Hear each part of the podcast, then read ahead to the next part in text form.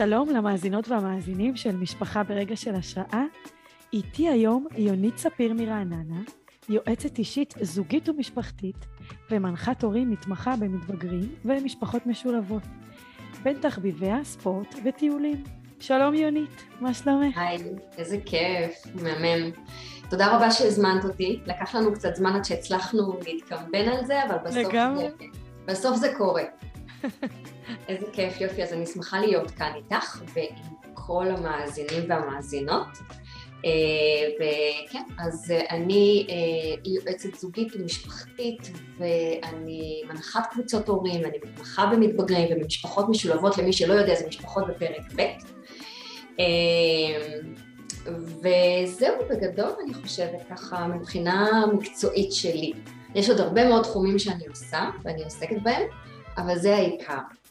אז uh, על מה, מה בא לך שנדבר היום? וזה המון, יונית, בואי, אל תמעיטי. חלילה. זה המון. האמת שאני ככה סקרנית, אה, ספרי ככה מה על הפרק, מה בימים אלה מעסיק אותך, ככה מבחינה מקצועית.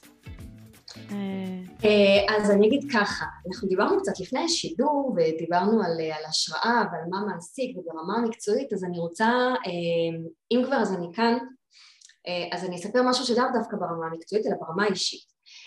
ויכול להיות שאני קצת יותר גדולה כאן מהחתך גילאים של המאזינים והמאזינות, אבל אני בכל זאת, אני חושבת, אני, אני אשתף ואני אתן לכם מפה קצת אני אגיד השראה מבלי שאני אעיד על עצמי אלא מזה שהעידו עליי בתקופה הזאת אה, יותר מה, אה, לכיוון הפסיכולוגיה החיובית קצת אה, אז ככה, אז אני בת 51 וככה כרקע, אז אני בת 51 הפתעה. ותודה, ואני נמצאת בפרק ב', הייתי, הייתי בזוגיות ראשונה 23 שנים, מתוכם 19 שנים נשואה, יש לי שני ילדים אה, גדולים, בני, יש לי בת בכורה בת 26 וילד בן 22 ואני אה, בזוגיות שנייה מעל עשר שנים ולבן זוגי יש גם שני ילדים, אה, בני 23 ו-20 עוד רגע, משהו כזה. ו... וזהו ככה כרקע. עכשיו הילדים שלי, בת שלי השתחררה מהצבא, הייתה לוחמת בצבא והשתחררה, עבדה, נסעה לדרום אמריקה לתשעה חודשים, חזרה, עבדה, סטודנטית, והיום היא סטודנטית אה, והיא אחרי פציעה, ואני מגיעה עכשיו לפציעה שלה. הבן שלי היה לוחם בצבא, השתחרר וטס לפני שבוע לדרום אמריקה לחצי שנה. לפני אה, משהו כמו חודש אה, ככה שאתם מבינים שהילדים שלי גדולים, אני בעצמי עוסקת בהרבה מאוד דברים, אני לא צריכה להתעסק איתם יותר מדי, הם גרים כאן בבית, אנחנו גרים ביחד אני והבן זוג שלי, ילדים שלא מבקרים אותנו, הם גדולים סתם, אז זה לא משהו שאין פה הסדרי אה, שירות או משהו כזה. זהו, עכשיו אנחנו מגיעים לעניין. לפני כחודש בערך הבן שלי והבת שלי נסעו יחד עם אבא שלהם לסקי. היו בסקי ובחצי שעה האחרונה הבת שלי אה, חוותה, עברה פציעה. היא ניסתה לעשות איזושהי, איזושהי קפיצה, אה, כתוצאה מזה קפצה עפה על הגב ופרקה את הברך, וואו. שזו פציעה, נחשבת לפציעה מאוד קשה. הודיעה לי משם שהיא בסדר, הגיעו לארץ חזרה, ישר למיון, ואני מתחילה בראש שלי עם כל המחשבות שכאילו מה, מה אנחנו הולכים לעשות מזה עכשיו אומרת, מה, מה הולך להיות עכשיו, כי החיים שלי הם חיים מאוד, אה, מאוד מתוזמנים, מאחר ויש לי הרבה מאוד עיסוקים, אני, אני מניחה שאת גם מכירה את זה, שהכל נורא מתוזמן כן. בלו"ז. זאת אומרת, אם זה אצ, אצלך כצעירה עם ילדים קצת יותר צעירים, אז מי לוקחים לחוג, מי לוקחים מהגן, מי נמצא בבית ומי לא, הכל כאילו נכנס לתוך משבצות כדי שהדברים האלה ישתלבו כמו שצריך. נכון. וכשקורה דבר כזה שהוא בעצם אה, מציאות שהיא בלתי רצויה, אז זה שם אותנו במקום של איך אני מתמודד בתוך המציאות הזאת. האם אני נאלם דום, האם אני קורס לתוך עצמי, או האם אני מתאושש, או האם מותר לי, אסור לי, מה אני בעצם גם כהורה, גם כבן אדם כלפי עצמי וגם כהורה, מה אני אמורה לעשות ומה אני אמורה לשדר בתוך הדבר הזה. ואני מזכירה שהיא גדולה, אבל היא עדיין הילדה שלי, והיא עדיין זקוקה לעזרה. אם אנחנו ככה נקצר את התהליך, היה אשפוז ושחרור, ועוד כל מיליון ואחת בדיקות שאנחנו נמצאים עדיין בתוך זה, יהיה, יהיה ניתוח, יהיה ניתוח, אנחנו עוד לא יודעים מה הסיפור של הניתוח כי זה שיקום של איזה שנה ואני לא רוצה להיכנס לעניין הזה, אני רוצה להיכנס לעניין אחר, העניין הוא של השינוי שזה יצר כאן אצלנו בבית ברמה האישית מהזווית ראייה שלי כבן אדם, כמישהי שיש לה עסק, כמישהי שיש לה חיים מאוד עשירים עם ילדים מאוד גדולים שאני כבר לא צריכה להסיע ולהתעסק איתם, זה אחד. שתיים, כהורה, כאימא, שזה תפס אותה אה, במקום מאוד לא, לא רצוי כמובן, מי רוצה דבר כזה. והמעמד שלי מולה ושלה גם כן, איך אני בעצם יכולה לחזק אותה כשבעצם החיים נעצרו לה. היא בת 26, סטודנטית, היא משלמת על הלימודים שלה בעצמה וזה הרבה מאוד כסף כי היא לומדת באוניברסיטת אה, רייכמן והיא מנוטרלת וכל החיים של החברות שלה אה, הכל ממשיך יש לה שתי חברות שיוצאות עכשיו מהבית לעבור, ב, לעבור לגור בדירה לבד, יש לה עוד חברה עם חבר שהם גם כן עוברים לגור ביחד, והיא אה, נעצרת. עכשיו, לה קשה, לה כואב מאוד, אני מורידה רגע את כל העניין הפיזי מתוך הסיפור הזה שהוא עניין מאוד מורכב, ולי כואב גם בשביל עצמי, סליחה כאילו שאני אומרת, אבל... לגמרי. גם אני שם, נכון. כואב לי בשבילה, ואני לא יודעת בדיוק מה המקום שלי. עכשיו אני רוצה שתבינו, הבית שלנו הוא בעצם דופלקס או שתי קומות, מה שאומר שהיא ואח שלה גרים למעלה, מה שאומר שהיא מאוד מוגבלת. וזה אומר שאני נדרשת להיות בבית 24-7, צריך להוריד אותה במדרגות ולהעלות אותה כשאנחנו צריכים לצאת מהבית, ומלבד שירותים ומקלחת היא צריכה עזרה בהכל, בדברים שלא עשינו, לא עשיתי שנים ויובלות, אם זה בניקיון, אם זה בסדר, אם זה בכביסה, אם זה באוכל שצריך לעלות ולהוריד. אה, יש לי ייעוצים שאני צריכה להודיע לה מתי יש לי ייעוצים כי אני לא יכולה להיות זמינה, אני לא ממש יכולה לצאת מהבית, אני יכולה אבל מישהו אחר צריך להחליף אותי בתפקיד, זה שינוי מאוד מאוד רציני.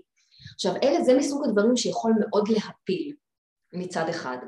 מצד שני, אם אנחנו באים ואומרים אוקיי, זאת הסיטואציה, א' אני רוצה קודם כל לתת מקום לזה, שמקום לבכי, כאב לב ועצבות, יש מקום לזה.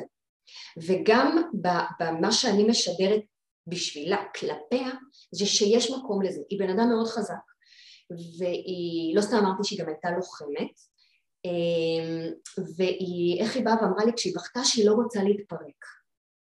עכשיו אני רוצה להגיד על זה דבר כזה, מאחר ואני בן אדם שהוא מטפל ואני בן אדם טיפולי אז אני יודעת גם איך לגשת לדברים האלה. באתי ואמרתי לה תשמעי, להתפרק צריך, צריך וצריך להוציא את זה מהסיסטם, כי אם אנחנו לא מוציאים מהסיסטם כשאנחנו נתקלים במציאות בלתי רצויה וקשה, היא תתפוס אותנו בכל מיני אה, מקומות שאנחנו לא רוצים אם אני לא בוכה בזמן שאני מאפשרת לעצמי לבכות ואני מבינה ומכילה את הבכי שלי, אני יכולה ללכת לסופר ולשלם בסופר ולהתחיל לבכות מזה ששילמתי בסופר.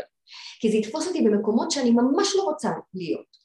ולכן חשוב מאוד להבין את זה, להכיל את הרגש הזה, לבכות על מר גורלי, כן באסה, באסה שכואב לי, באסה שאני, אה, אה, נחתכו לי החיים בשנייה, באסה שאני לא יכולה ללכת ללימודים, אני לא יכולה להיפגש עם חברות, צריכים לבוא אליי, צריכים לעשות בשבילי את הכל, אני לא עצמאית, לא יכולה לעבוד, לא יכולה לקלקל את עצמי, אני לא יכולה לעשות שום דבר מהעצמאות שלי, אני תלויה באנשים אחרים ואני גם לא יודעת לקראת מה אני הולכת.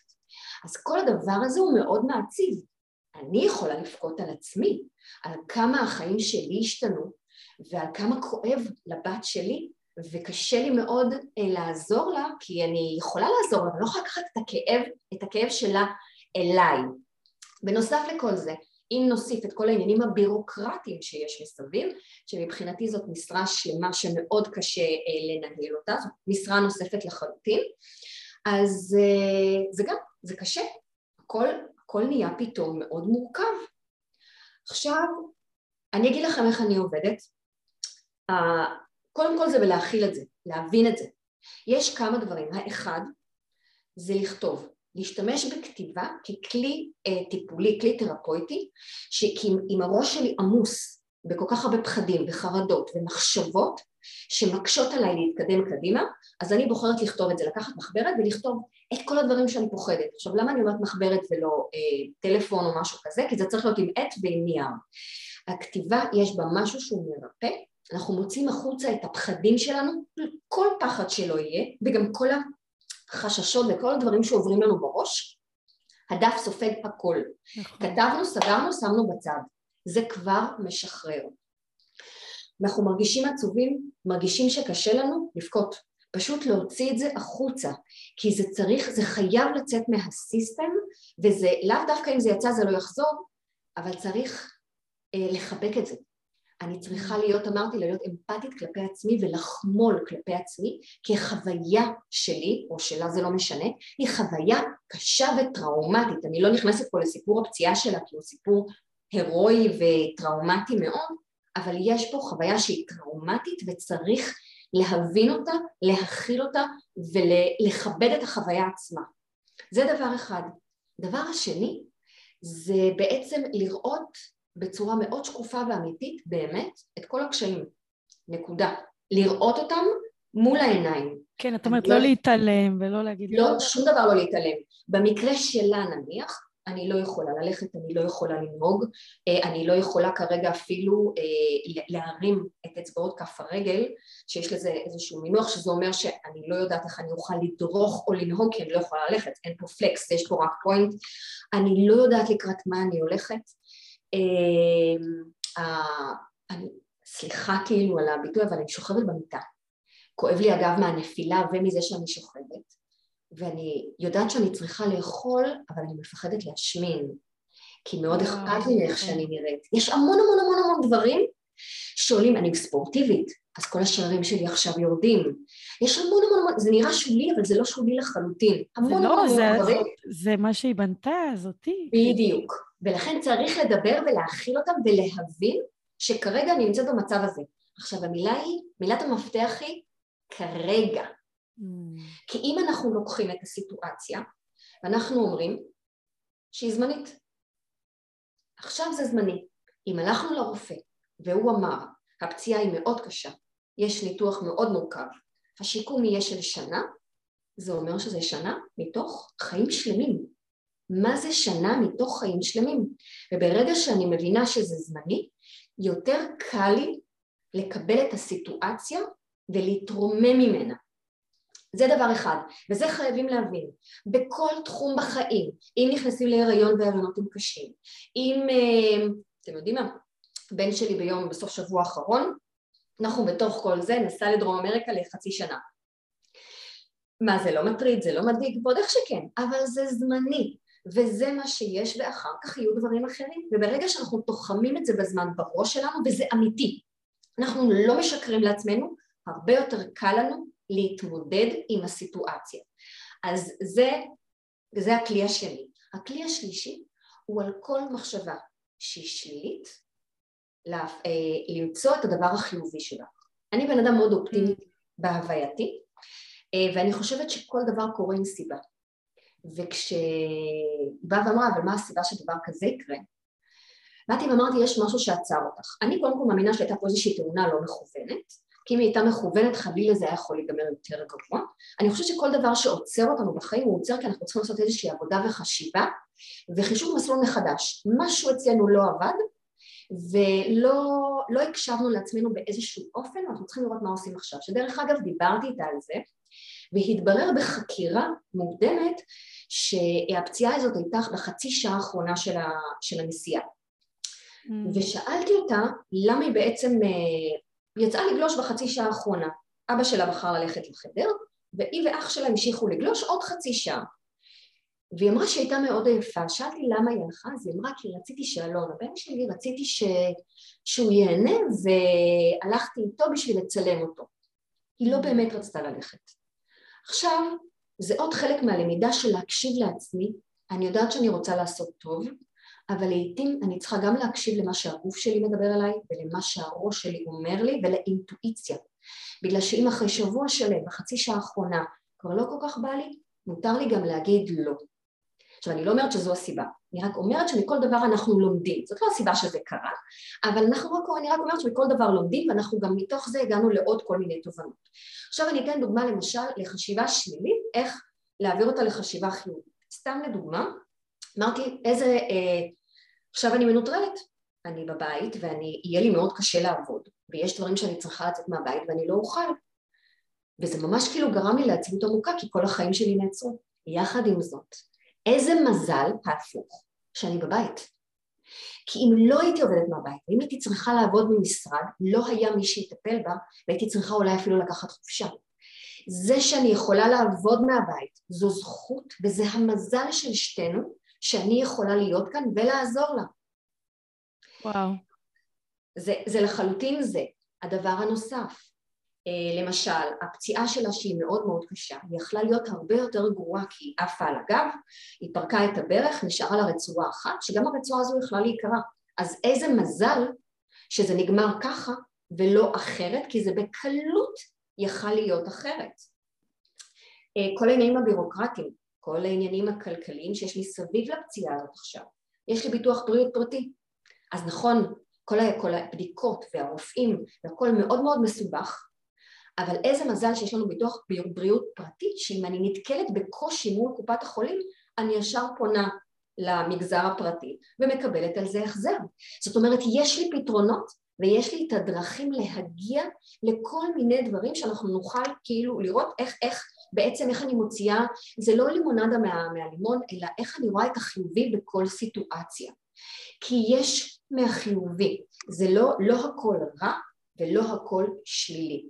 וזה אחד מהדברים שנותן את הכוח. עכשיו באתי אליה ואמרתי, בואי נראה מה את יכולה ללמוד על עצמך שלא ידעת, את יודעת כמה את חזקה, אבל בואו נראה מה עוד את יכולה ללמוד על עצמך, שזה נחישות ומטרה. למשל, אנחנו מחכים עכשיו לפגישה ולניתוח, וטווח ה... יש טווח של כיפוף רגל, אם הרגל ישרה זה אפס, אפס אה, במעלות, ואם הרגל מכופפת לגמרי זה יכול להגיע לנגיד אה, מאה ומשהו מעלות, בסדר? לגמרי לגמרי לגמרי. עכשיו היא הגיעה לטווח כיפוף בבית חולים של 30 מעלות, שזה כמעט כלום ושום דבר, ואמרו שצריכה להגיע ל-90 מעלות, 90 מעלות זה רגל ב-90 מעלות, שזה זה כדי שלהגיע לניתוח במצב מיטבי. עכשיו. המשימה היא נראית משימה בלתי אפשרית. אממה, יש פיזיותרפיה. והפיזיותרפיסט גם של הקופה וגם הפרטי עבדו איתה והיא כל יום עובדת לבד כי העבודה איתם לא מספיקה, היא צריכה לעבוד לבד עברו שלושה שבועות והגיעה לכיפוף של 94 מעלות. זה מהמם. זה רק מראה על נחישות והתמדה וכוח רצון של להגיע לניתוח במקום, אה, במצב אופטימלי. עכשיו אלה דברים שיכול להיראות לה ברור מאליו. אני כהורה או כל הורה שנמצא כאן ומקשיב התפקיד שלי זה לראות את זה, לזהות את זה ולהגיד לה את זה. להדגיש לה אפילו. בדיוק, שזה נקרא בעצם עידוד, שעידוד הוא מה שמעלה את ערך האדם בעיני עצמו, לא למחוא כפיים וכל הכבוד ואיזה יופי, כי זה לא רלוונטי, זה לא נותן שום דבר. זה כללי מדי. שבוע יהיה ניתוח והטווח אפס יחזור עם כאבים נורא חזקים. אז, אז מה עשיתי אם אמרתי כל הכבוד ויופי? כאילו, המטרה שהגיעה אליה הולכת הרי להידרדר אחורנית, אוטוטו.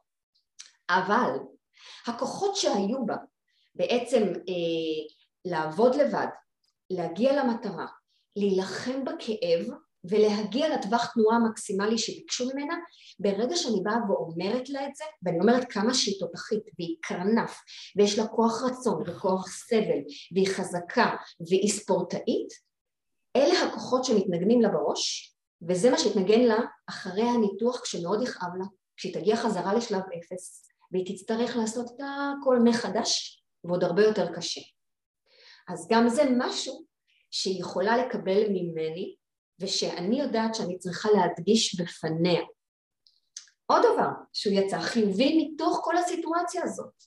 ואם אנחנו הולכים עוד ועוד, למשל אה, אה, הקושי, אם אני באה ואומרת הקושי מול מערכת הבריאות, בסדר? כן. לטופס 17, לבדיקות, לזימון תורים, שהכל יהיה נורא נורא מהר ועכשיו כי זה דחוף, אבל זה לא מציל חיים, זה פשוט דחוף.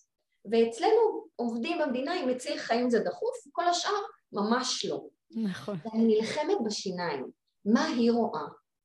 היא רואה אימא שנמצאת איתה, שנלחמת בשבילה ומגיעה לתוצאות וזה מלמד אותה שהיא יכולה להיות במקום בטוח, שיש לה מקום בטוח להיות בו, שיש מי שעוטף אותה מכל הכיוונים כדי שהיא תהיה מרוכזת בהחלמה ושכשנחושים למטרות והולכים עם זה דוך, נלחמים ובאמת מוציאים את מה שצריך, צריך בשביל זה רק את הכוח והאמונה. אז זה גם מה שמלמד אותה. אז נכון שזה קשה, אבל עדיין יש בזה גם את הטוב שאפשר להוציא מזה. אה, אז זה, כששאלת אותי מה קורה איתי עכשיו... וואו, זה המון, יונית. אז זה זה, אז זה, ואני רוצה להגיד באמת שיש לי איזה קולגה שאני ככה מדברת איתה שהיא אה, מאמנת לחשיבה חיובית ושאלתי אותה, אמרתי תקשיבי, אומרים לי מסביב גם הרופאים וגם הפיזיותרפיסטים זה הולך להיות נורא קשה, אה, תתכונני, אה, תתכוננו, זה הולך להיות כאילו נורא נורא מכבידים עלינו ואני אומרת אוקיי, קשה יש רק בלחם וגם אותו אוכלים, כאילו מה אתם רוצים שאני אעשה עם המידע הזה? אני לא מבינה. יכאב, לוקחים משככים, יכאב יותר, קבלו משככים יותר קשים, יהיה בלתי נסבל, תעשני גראס, תעשי מה שאת רוצה, כאילו כן, נלחמים עם זה כאילו נכון. בכל הכוח. אז שאלתי אותה, תגידי, את חושבת שאני חיה בלה לנד, שאני כאילו לא מתייחסת לכובד ראש שהם לוקחים את זה? אז היא אמרה לי, לא, כי מבחינתי, זה, זה, זה המהות שלה, היא מאמנת לחשיבה חיובית. היא אמרה לי, לא, להפך, אני חושבת שאת רואה את המציאות, את עומדת מול המציאות מול העיניים ואומרת לה, סבבה, מבינה אותך, זאת מציאות לא רצויה, היא קשה לכל הדעות, אבל יש לך את הכלים לעבור אותה ולהעביר אותה הלאה עם הבת שלך בצורה מיטיבה. להבין שזה זמני, לשקף את הכוחות, לבכות ולתת לגיטימציה לכל רגע שמגיע, ויש פה המון רגשות בתוך כל הדבר הזה, ועדיין להתמודד עם זה, אה, אני לא יכולה להגיד כמו שצריך, ואני אומרת את זה במרכאות, אבל להתמודד עם זה באופטימיות שזה יהיה טוב, מתוך אמונה מלאה בכוחות שלה, מתוך איך שאני מכירה אותה, ברופאים שאני מקיפה אותנו בהם, ובנו, בתמיכה שאנחנו נותנים לה מסביב. ואני אהבתי, כי זה באמת אה, משהו שהוא... כמה דברים היו פה, ומה שהכי בלט לי זה קודם כל, זה קשה, בואו, אל תדחיקו את זה, ואל תנסו לטאטא את זה, שימו את זה, תסתכלו על זה, תחיו את זה, וגם אמרת, בואו, הדף סופג הכל, שזה כלי מדהים בעיניי, נכון. מניסיון, וזה גם מכניס לפרופורציות פתאום, אחרי שמוציאים את זה לדף, כאילו משהו במערכת מתנקה, וזה כאילו נכנס לאיזה פריים כזה של אוקיי, זה זמני, שנייה, דקה, כאילו, כמו הרגשות האלה שהם זמניים. נכון. הרי...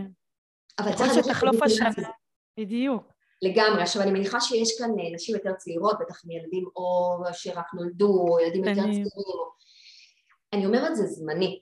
אני. אה, משמשת כיועצת באיזשהו שבט אימהות של אימהות צעירות וכל דבר הוא באמת בהתחלה, לא רק בלידה ראשונה, גם בלידה שנייה, שלישית ורביעית הוא נראה נורא נורא קשה והוא באמת גם קשה, הוא קשה כי אנחנו צריכים להתרגל מחדש לעוד בן אדם חדש שנולד, זה קשה, אבל אם אנחנו זוכרים שזה זמני וזו תקופה שטכנית היא קשה ואחר כך לאט לאט אנחנו מתרגלים אחד לשנייה ולקונסטלציה המשפחתית החדשה ומייצרים משהו חדש זה הרבה יותר קל לעבור את זה ואם אנחנו עדיין לא מצליחים אז צריך לקבל עזרה ולראות איך אנחנו בונים את הדבר הזה מחדש מזוג לשלישייה, משלישייה לרביעייה והלאה ואיך אנחנו מסתכלים וחומלים לעצמנו, אני נתקלת באמהות אה, חמישה שבועות אחרי לידה, שמצפות מעצמן לחזור לאימון, שמצפות נכון. מהבעל להתחבר לתינוק שרק נולד, אה, שמצפות, יש כאלה שאחרי חודשיים מצפות מעצמן אה, לחזור לקיום יחסי מין מלאים עם הכל בהיי היי טרילי לילי. הציפייה הזאת, אבל הציפייה, הציפייה, ומה שאני רואה אצל השכנה ואצל החברה שלי שמספרת את זה, הן לא mm. לוקחות בחשבון שזה יכול להיות גם לא נכון. זה, הציפייה הזאת היא מאוד קשה, זה עוד טיפ שאני רוצה לתת. בהתחלה כשהתחלנו עם כל הסאגה הזאת והיינו בבית חולים, אה, אז אמרו לנו מחר תשתחררו, נעשה 1, 2, 3, היום תקבלי זריקה ל-1, 2, 3, וכל דבר לקח יובלות. Hmm. עכשיו אני בן אדם שהוא תקתקן, אז כל דבר שלקח כל כך הרבה זמן היה מפיל אותי, כי כאילו, מה נסגר? אמרת שתבוא, למה לוקח לך שלוש שעות? אמרת שהיא תקבל בדיקה, למה זה לוקח לך חצי יום? זאת אומרת, כל הדברים האלה לקחו כל כך הרבה זמן, ואותי הם הפילו כל פעם מחדש. Hmm. ואז הבנתי, בדיוק כמו שאני מדברת עם מורים ועם זוגות. שכשהציפיות הן גבוהות, איך אנחנו יודעים איפה הציפייה שלנו היא לא ריאלית? כשאנחנו מתאכזבים. זה אומר mm. שהציפייה שלנו היא גבוהה מדי. וכשאנחנו, אם אנחנו מדברים בין הורים וילדים, שנייה רגע, אני פותחת פה ענף, אם ה... או בן זוגות, אם, ה... אם אנחנו מתאכזבים, סימן שהציפייה שלנו הייתה גבוהה מדי ואנחנו צריכים להתאים אותה לסיטואציה ולבן אדם. אם אנחנו מופתעים, הילד חזר עם ציון גבוה ואנחנו בהלם, סימן שהציפייה שלנו נמוכה ואנחנו יכולים קצת להגדיל את הציפייה ממנו. Mm. עכשיו אני הבנתי באותה סיטואציה, אם אני לוקחת את הכלי הזה, שהציפייה שלי ממערכת הבריאות להתנהל כמוני, כמו בן אדם פרטי, כן. היא לא ריאלית. לא האחיות, לא הרופאים ולא כל המערכת וכל בית החולים לא יכולים לתקתק דברים בשביל מה יספר, כי יש עוד מאה כמוה במחלקה. ולכן אני צריכה להנמיך את הציפיות, כי האכזבה הייתה כל כך קשה, שפשוט הייתה מפילה אותי כל פעם מחדש. ולכן עכשיו אנחנו לכל בדיקה, לכל אה, פגישה עם הרופא, שאנחנו לא יודעים לקראת מה הולכות, אנחנו פשוט מגיעות ללא ציפיות. לא מצפה שיגיד לי ניתוח מחר, ניתוח בעוד שבוע, לפני פסח, אחרי פסח, מה שהוא יגיד, אני מרוצה, לוקחת בשתי ידיים וממשיכה הלאה, וחיה בקונסטלציה שכרגע קיימת. והכי התמסרות. כן, כי אין, אין לנו שליטה, וכשאנחנו נכון. מבינים את זה, וכשאנחנו מבינים את עניין הציפייה מול מי אנחנו עומדים, זה כמו להגיד, אה, אני מצפה מילד שיש לו לקויות למידה, שהוא יביא את כל הציונים 100, זו ציפייה שהיא לא ריאלית, זה גורם לנו לאכזבות, ולכן אני צריכה לצפות ממנו ל-X, ומאח שלו שאולי אין לו שום לקות, ל-Y. הציפיות הן שונות לחלוטין והן תואמות גיל, תואמות בן אדם, תואמות בן זוג, תואמות סיטואציה, אם אני אחרי... תואמות מציאות גם, כמו שאמרת. לחלוטין. ולכן כל אחד, או שמקשיבה פה, כל אחד, צריכים להסתכל על החיים שלהם ולהגיד, אוקיי, מה הסיטואציה שלי עכשיו?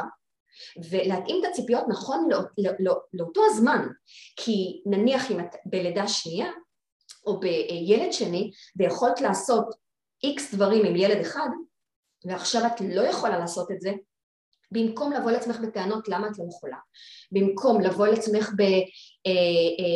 בטענות של איך יכול להיות, איך ייתכן שאני לא כמו שהייתי פעם, לבוא ולהגיד אוקיי, זו שהייתי כבר לא יכולה להיות כי אז זו הייתה קונסטלציה שונה, היה לי רק ילד אחד, יש לי עכשיו שניים, וייתכן, זה לא שאני לא יכולה לעשות את הכל, אני לא מעוניינת כי אני בן אדם אחר עכשיו, אני הורה לשניים או שלושה וקודם הייתי הורה לאחד או לשניים ואני צריכה להתאים את הציפיות שלי מעצמי בהתאם לסיטואציה שאני, שקיימת עכשיו, אוקיי? Okay? כך יפה.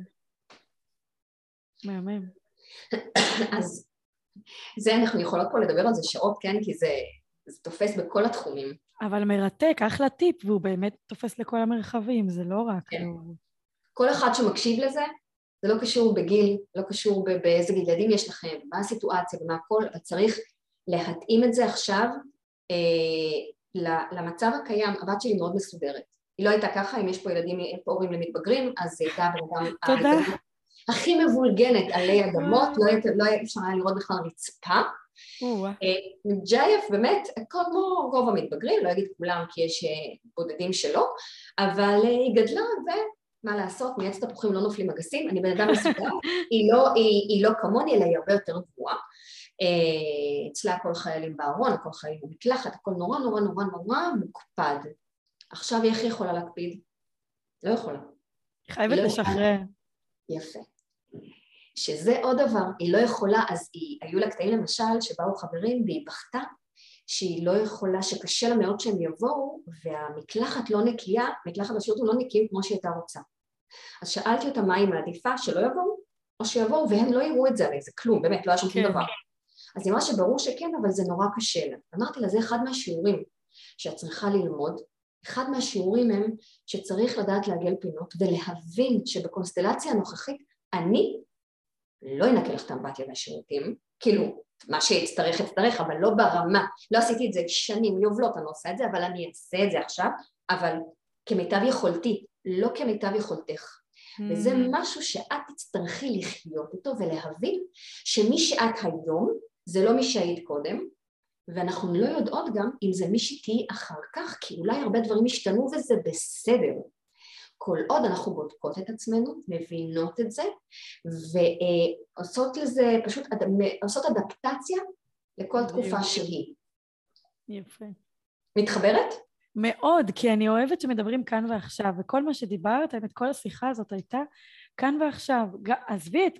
ברור שהמקרה מאוד, כן. מאוד uh, כבד, מה שסיפרת, אבל, אבל אני אוהבת את ההתמודדות. זה, זה כמו להגיד, אני יוצאת מכאן עם, uh, עם uh, משפט כזה, שכאילו, כל תקופה בחיים אנחנו מקבלים קלפים אחרים למשחק. מה נכון. אנחנו עושים איתם? מה אנחנו עושים עם הקלפים שקיבלנו עכשיו בסיטואציה? ממש אין לנו שליטה. דרך אגב, אפרופו הפציעה, שבוע לפני שהם נסעו, לא, יומיים לפני שהם נסעו, אנחנו חזרנו מתאילנד. היינו בתאילנד 19 אה, יום. שהיה פה את האומיקרון, אז אנחנו אה, ברחנו מתאילנד. טוב עשית. כן, ואחרי יומיים הם נסעו. עכשיו, הם היו אמורים לנסוע במקביל אלינו. Mm. תארי לך שהם היו נוסעים oh, oh. במקביל אלינו, אני הייתי בתאילנד והייתה חוזרת פצועה. לא, לא, לא. אז הכל מדויק. מזל במרכאות שהם נסעו אחרי שאנחנו חזרנו ואני הייתי כאן כדי לנהל את כל הדבר הזה. שוב פעם, זאת מציאות בלתי רצויה, אבל יש לנו כמה ברירות. או לקפוא ולא לעשות עם זה כלום, או לגג'דר ולהגיד מה וואי, כן. וכמה קשה לי, וכמה אני לא, שזה בסדר, אבל לשים את זה בתוך גבול, נכון. או להגיד אוקיי, קשה לי, אבל זאת המציאות עכשיו, ואני רוצה לראות איך אני עושה ממנה כמה שיותר טוב, איך אני מגיעה לתוצאות, וגם איך ומה אני לומדת ממנה, על עצמי, על החיים, על מה שאני מסוגלת לעשות. אני באופן אישי כהורה שלה לומדת על עצמי, גם כבעלת עסק בתוך הסיטואציה הזאת לומדת על עצמי המון, והיא כבן אדם צעיר יחסית גם לומדת על עצמה המון ויש עוד הרבה. יש, יש לי עוד רשימה של דברים שאנחנו צריכות לעבור, אבל זה לאחר כך, אה, היא עוד לא בשלה, היא עוד לא שם. זה מהמם, אני מניחה שזה לא התחיל היום, אני מניחה שזה מגיל קטן את ככה בונה את הסגנון תקשורת הזה איתה. בטח. זה, זה חשוב לשים פה, אני נכון. אוהבת להגיד. אני, קודם כל ככה. לא חשבו שבגיל 26 זהו, היא באה? לא, מה פתאום. אני, אמ, אמ, אני מנחת הורים מוסמכת נכון אדלר. עכשיו, אני אדלריאנית, גישתי, הגישה האדלריאנית שלי היא בהווייתה עוד אני עושה את זה משהו כמו שבע שנים, אבל אני mm. בתוך הגישה הזאת כבר מעל עשרים שנה, מאז שהבן שלי בערך היה בן שנתיים, והייתי בקורס הורים הראשון שלי. אז הבית שלנו הוא בית מאוד אדלריאני, תקשורתי, אה, דמוקרטי, אבל יש mm. לו מחליט אחד כמובן, כי בדמוקרטיה זה לא אנרכיה, שזה נושא נכון. אחר, זה משהו אחר, אה, והמערכת יחסים הזו נבנתה אה, עוד ממזמן. עכשיו אני חייבת להגיד שהיא נבנתה מזמן, אבל איתה מערכת יחסים היא כזו והיא מאוד פתוחה וקשובה, ועם הבן שלי שהוא קצת יותר סגור, אז המערכת יחסים היא, בוא נגיד שבהתייחס אליו, כשהנתון כן. שהוא בן אדם סגור יחסית, אז אנחנו יחסית כן בתקשורת טובה. אם לא הייתי מתנהלת לפי הגישה שאני מאמינה בה ושהיא יותר תקשורתית ופתוחה ומעודדת וחיובית אז מן הסתם מערכת יחסים בינינו הייתה עוד יותר סגורה. לגמרי. אה, אז כן, אנחנו בתקשורת אה, מאוד אה, ככה מיטיבה ומאוד פתוחה שמדברים על הרבה מאוד דברים ואני חייבת להגיד שזה באמת משהו, איזשהו כוח שיש בינינו שהיא סומכת עליי ועל מה שאני אומרת ולא לא, לא על עיוור, כן? אבל היא כן. סומכת עליי שאני יודעת שאני רוצה בטובתה וגם כשאנחנו עובדות עם כלים טיפוליים כביכול, אז היא מתמסרת לזה ואני סומכת על הכוחות שיש בה. על זה שאני אובייקטיבית ואני יודעת טוב מאוד איפה, איפה זה פחות ואיפה זה יותר ואני סומכת עליה. אז, אז זה עובד. אבל, נכון אמרת זה לא מעכשיו, אני רק רוצה להגיד שלפי הגישה, יש, אני עובדת לפי הרבה גישות. ההדרכת הורים למדתי אדלר, אבל עדיין גם, גם, גם לאדלר יש לו את המינוסים שלו ולכן אני עובדת עם עוד הרבה מאוד גישות אחרות. אין כמו שילובים. אה, נכון, אה, אני, מה שעובד, מה שלא עובד לא עובד, אבל מה שעובד לא לך.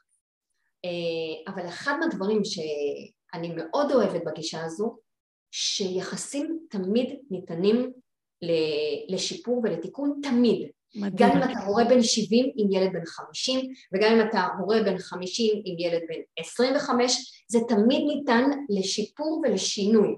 נכון שזה יותר קל כשזה נעשה מהגיל הצעיר אבל זה לגמרי לגמרי לגמרי לא dead end אף פעם. אף פעם. זה אופטימי, מעולה שאמרת את זה. אף פעם. מעולה שאמרת את זה, כי אני כן, אה, כן חשוב לי לשים שיש משהו בזה שזה נבנה עם השנים, ואז פשוט שלא יחשבו מהצד, אה, נו, היא מדברת איתה בת 20, אז זה לא פתאום קורה, זה, גם, לא. אם, גם נכון שזה לא dead end, אבל עדיין, גם בגילאים המאוחרים, זאת עבודה וזאת השקעה. זאת ו... עבודה. ואני יכולה להגיד להורים הצעירים שיש כאן, וגם להורים למתבגרים, בדרך כלל ההורים נורא נתפסים לגילאים האלה של בית הספר. כאילו כן. עד גיל שש, גן, עניינים טכניים אה, קקי וכאלה, ואחר כך לימודים, לימודים, לימודים, חברים, לימודים.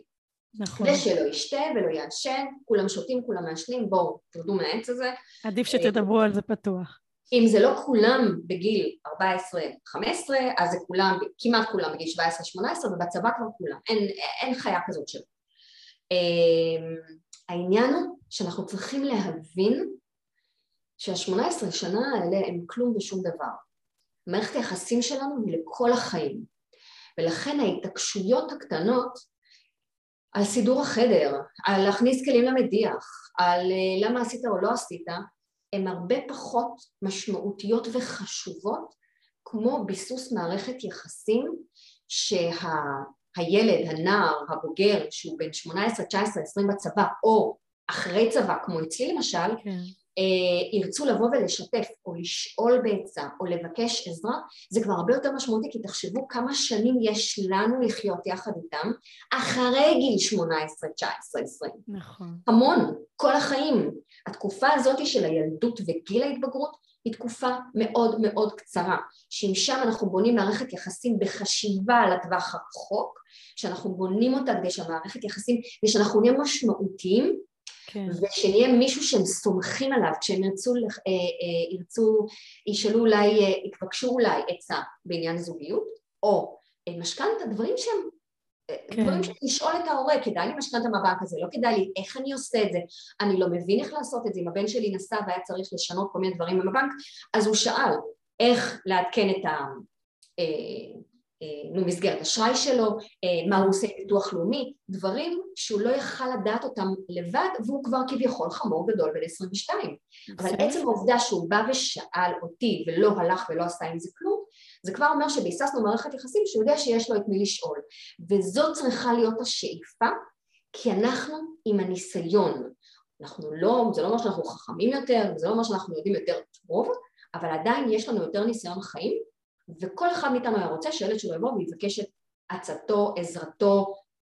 נקודת המבט, כן. כן, לגמרי. וואו, אז, איזה פרק. אז את זה אנחנו בונים. מקסים.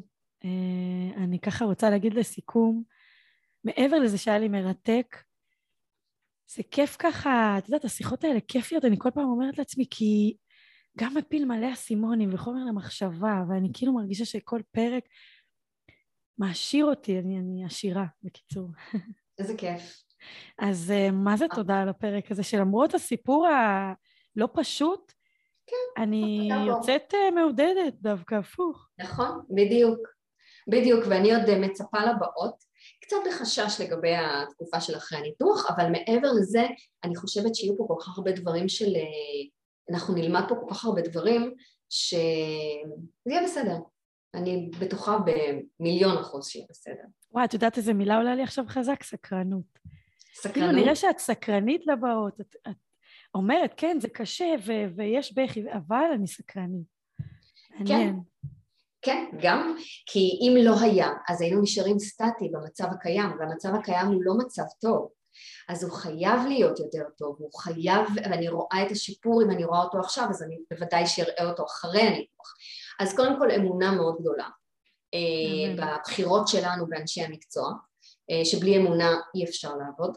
נכון. אה, אם נהיה סקפטיים על כל דבר, אז זאת אמונה וגם אמונה בכוחות שלה ואני חושבת שגם אמונה בכוחות שלי וביכולת נכון. שלי גם לארגן את הלו"ז אני מבחינתי, מבחינת המקצועיות שלי והמטופלים שלי והעבודה שלי והיכולת שלי גם אה, להכיל גם את עצמי וגם אה, אותה עם כל, ה, עם כל מה שמשתמע וכל אה, מה שצפוי עוד לבוא אבל אני סומכת עלינו כאן